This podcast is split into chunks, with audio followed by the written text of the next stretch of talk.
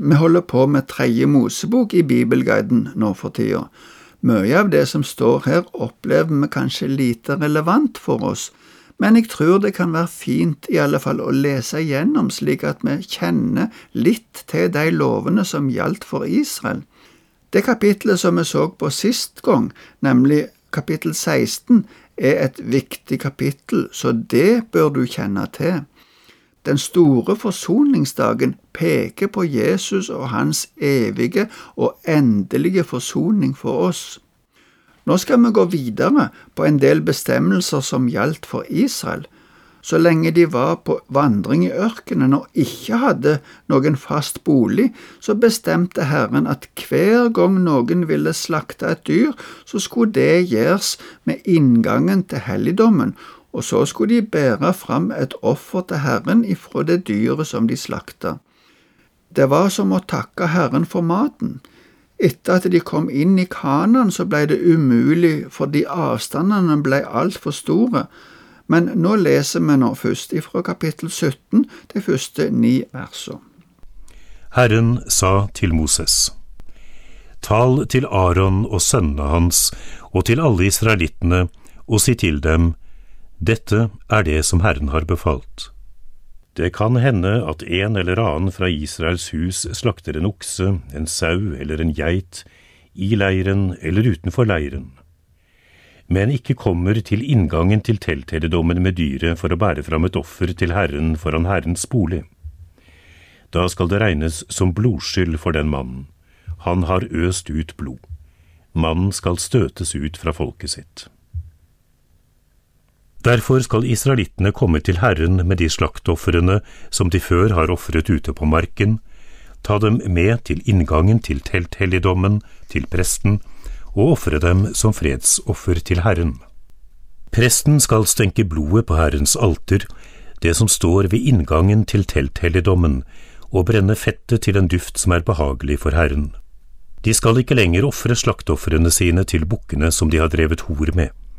Dette skal være en evig forskrift for dem gjennom alle slekter, og du skal si til dem, det kan hende at en eller annen fra Israels hus eller blant innflytterne som bor hos dem, ofrer et brennoffer eller slakteoffer, men ikke kommer med det til inngangen til telthelligdommen for å ofre det til Herren. Den mannen skal støtes ut fra folket sitt. Ofringer ute på marka var gjerne slike ofringer som de hadde vært med på i Egypt, der det ble ofra til mange forskjellige guddommer, som her nevnes som bukker de hadde drevet hor med. Noen bibler oversetter det med onde ånder. Det var uansett falske guder. Denne regelen skulle hjelpe de til å bli mer knytta til den ene og sanne Gud, som var den Gud som hadde frelst og leda Israel så langt, og som òg ville gi de et godt land. Denne regelen skulle også gjelde for innflyttere. Vi leser resten av kapittelet. Enhver fra Israels hus eller blant innflytterne som bor hos dem, som spiser blod, skal jeg vende meg mot og støte ut fra folket hans. For en skapnings liv er i blodet, og jeg har gitt dere blodet på alteret til soning for livet deres. Blodet soner fordi livet er i det. Derfor har jeg sagt til israelittene, ingen av dere må spise blod, heller ikke innflytterne som bor hos dere må spise blod.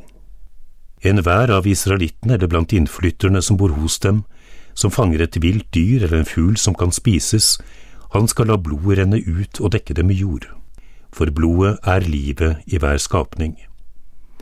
Derfor sa jeg til israelittene, dere må ikke spise blodet av noen skapning, for blodet er livet i hver skapning.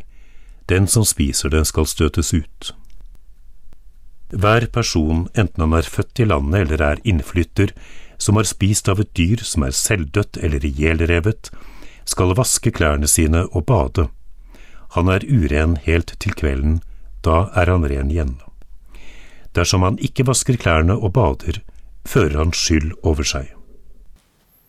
Her blir forbudet mot å spise blod innskjerpa. Blodet var bindeleddet mellom sjel og legeme. I denne oversettelsen sies det at livet er i blodet, Andre oversetter det med at sjela er i blodet. Det er nok lettere å forstå at livet er i blodet, men det gir oss òg en åndelig betydning, som at det er snakk om livet som samfunnet med Gud. For oss i den nye pakt gjelder ikke disse bestemmelsene på den samme måten, for blodet ifra Jesus på Golgata er den nye pakts blod, og det gjelder for alltid. Vi skal prøve å få med oss kapittel 18 òg i dag. Det handler om lover om kjønnslige forbindelser og ekteskapets hellighet.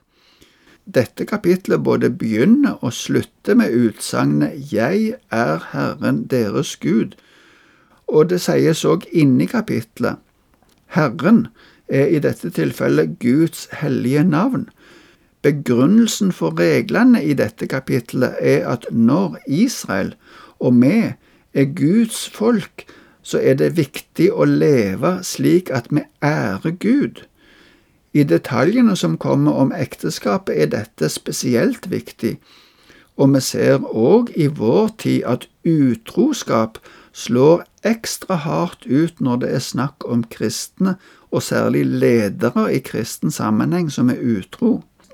Men nå skal vi lese kapittelet uten å si så mye konkret om dette. Jeg tror det som sies, er tydelig. Vi leser hele kapittel 18. Herren sa til Moses, Tal til israelittene og si til dem, Jeg er Herren deres Gud. Dere skal ikke gjøre som de gjør i Egypt, det landet dere har bodd i, eller som de gjør i Kanaan, det landet jeg fører dere til. Dere skal ikke følge deres forskrifter. Mine lover skal dere holde, og mine forskrifter skal dere akte på, så dere følger dem. Jeg er Herren deres Gud. Dere skal holde mine forskrifter og lover. Det mennesket som lever etter dem skal ha liv ved dem, jeg er Herren. Ingen må komme nær noen av sitt eget kjøtt og blod for å kle dem nakne. Jeg er Herren. Du skal ikke kle din far eller din mor naken.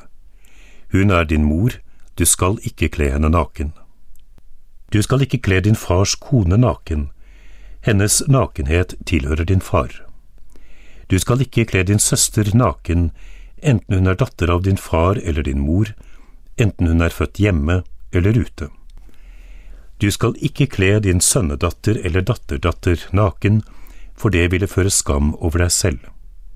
Du skal ikke kle datteren til din fars kone naken, hun som også er din fars datter, hun er din søster. Du skal ikke kle din fars søster naken, hun er i nær slekt med ham. Du skal ikke kle din mors søster naken, hun er i nær slekt med henne. Du skal ikke kle din fars bror naken, hans kone må du ikke komme nær, hun er din tante.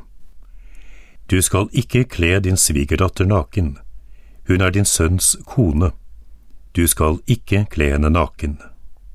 Du skal ikke kle din brors kone naken, hennes nakenhet tilhører din bror.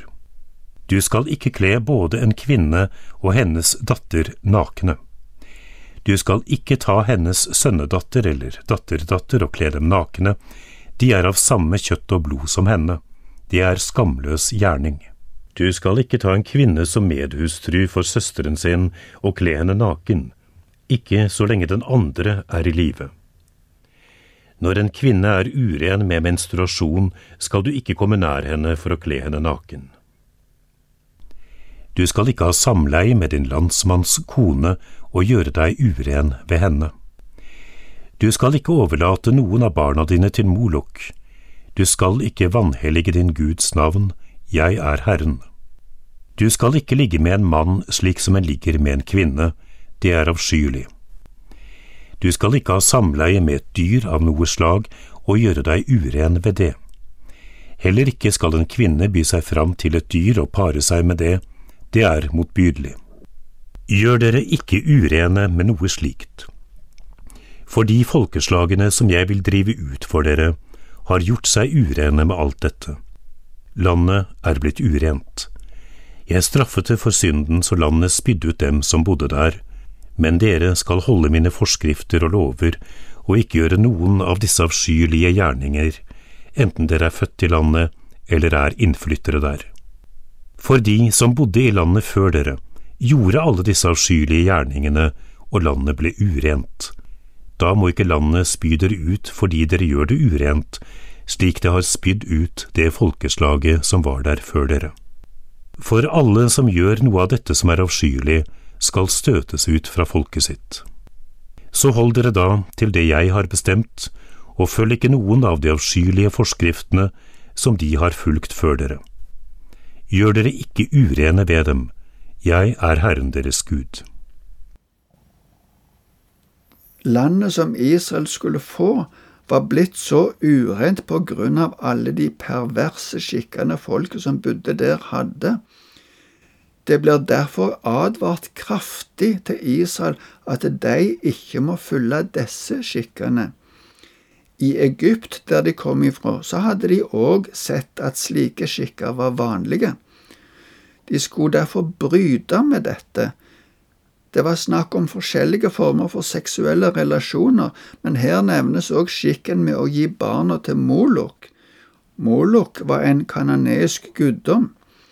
Det var vanlig med menneskeofringer til denne guden. Det er ikke sikkert at Israel kjente så mye til dette ennå, men de ble allerede nå advart. I vers fem leste vi at det mennesket som holder forskriftene og lovene og lever etter dem, skal ha liv av deg. Det var òg noe som Jesus sa i Lukas 10, 25, da det var en som spurte hva han skulle gjøre for å få evig liv. Men Paulus understreker at det er ingen som klarer å holde Guds lov. Det kan du lese om i Galaterbrevet i kapittel 3. Derfor gjorde Gud det slik at vi ble kjøpt fri ifra lovens krav, i og med at Jesus oppfylte alle disse kravene for oss. Så er det slik at den som tror på Jesus, blir erklært rettferdig fordi han eller hun tror på eller har tillit til Jesus og det som han har gjort. Men det var det som vi rakk i dag. Takk for nå, og Herren være med deg.